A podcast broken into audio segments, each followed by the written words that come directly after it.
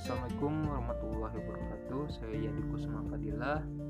NIM 1603813 Pada kesempatan kali ini saya akan berpendapat atau berkomentar pada kelompok 6 PIPS yaitu Ramdan Darmawan dan Lutfian Fadilah.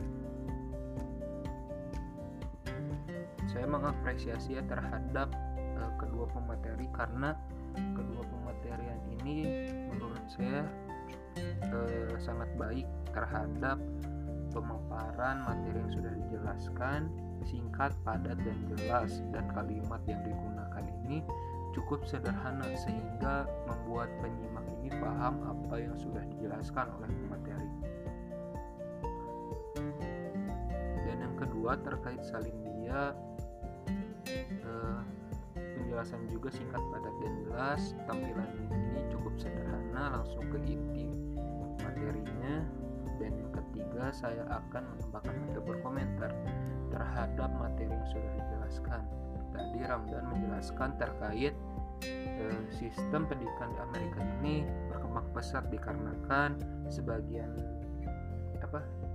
eh, pendidik di Amerika Serikat ini peka terhadap isu sehingga sebagian ini melakukan sebuah penelitian dan menganalisisnya dan merealisasikan dan dimuat ke dalam sebuah kurikulum Nah, tadi juga dibahas terhadap harusnya siswa diajak menangani sebuah masalah dan menemukan solusi dalam pembelajaran sehingga dapat berpikir kritis. Nah, sebenarnya di Indonesia juga sudah diterapkan dalam kurikulum tiga ini ada tiga model yang diterapkan. Yang pertama ada project based learning atau pembelajaran berbasis proyek.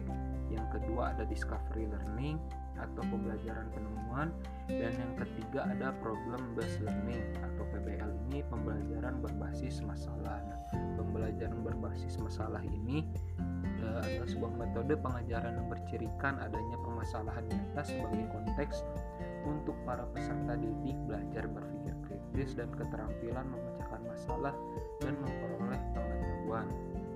Nah, yang saya ingin tanyakan, apakah model-model yang sudah digunakan dalam kurikulum 13 ini dapat meningkatkan literasi di Indonesia. Nah, jika belum, apa sih contoh konkret menurut kalian yang dapat diterapkan untuk meningkatkan literasi di Indonesia ini? Menurut saya literasi di Indonesia ini masih kurang gitu. Nah, itu sih intinya yang akan saya uh, pertanyakan. Eh, sekian dan terima kasih. Wassalamualaikum warahmatullahi wabarakatuh.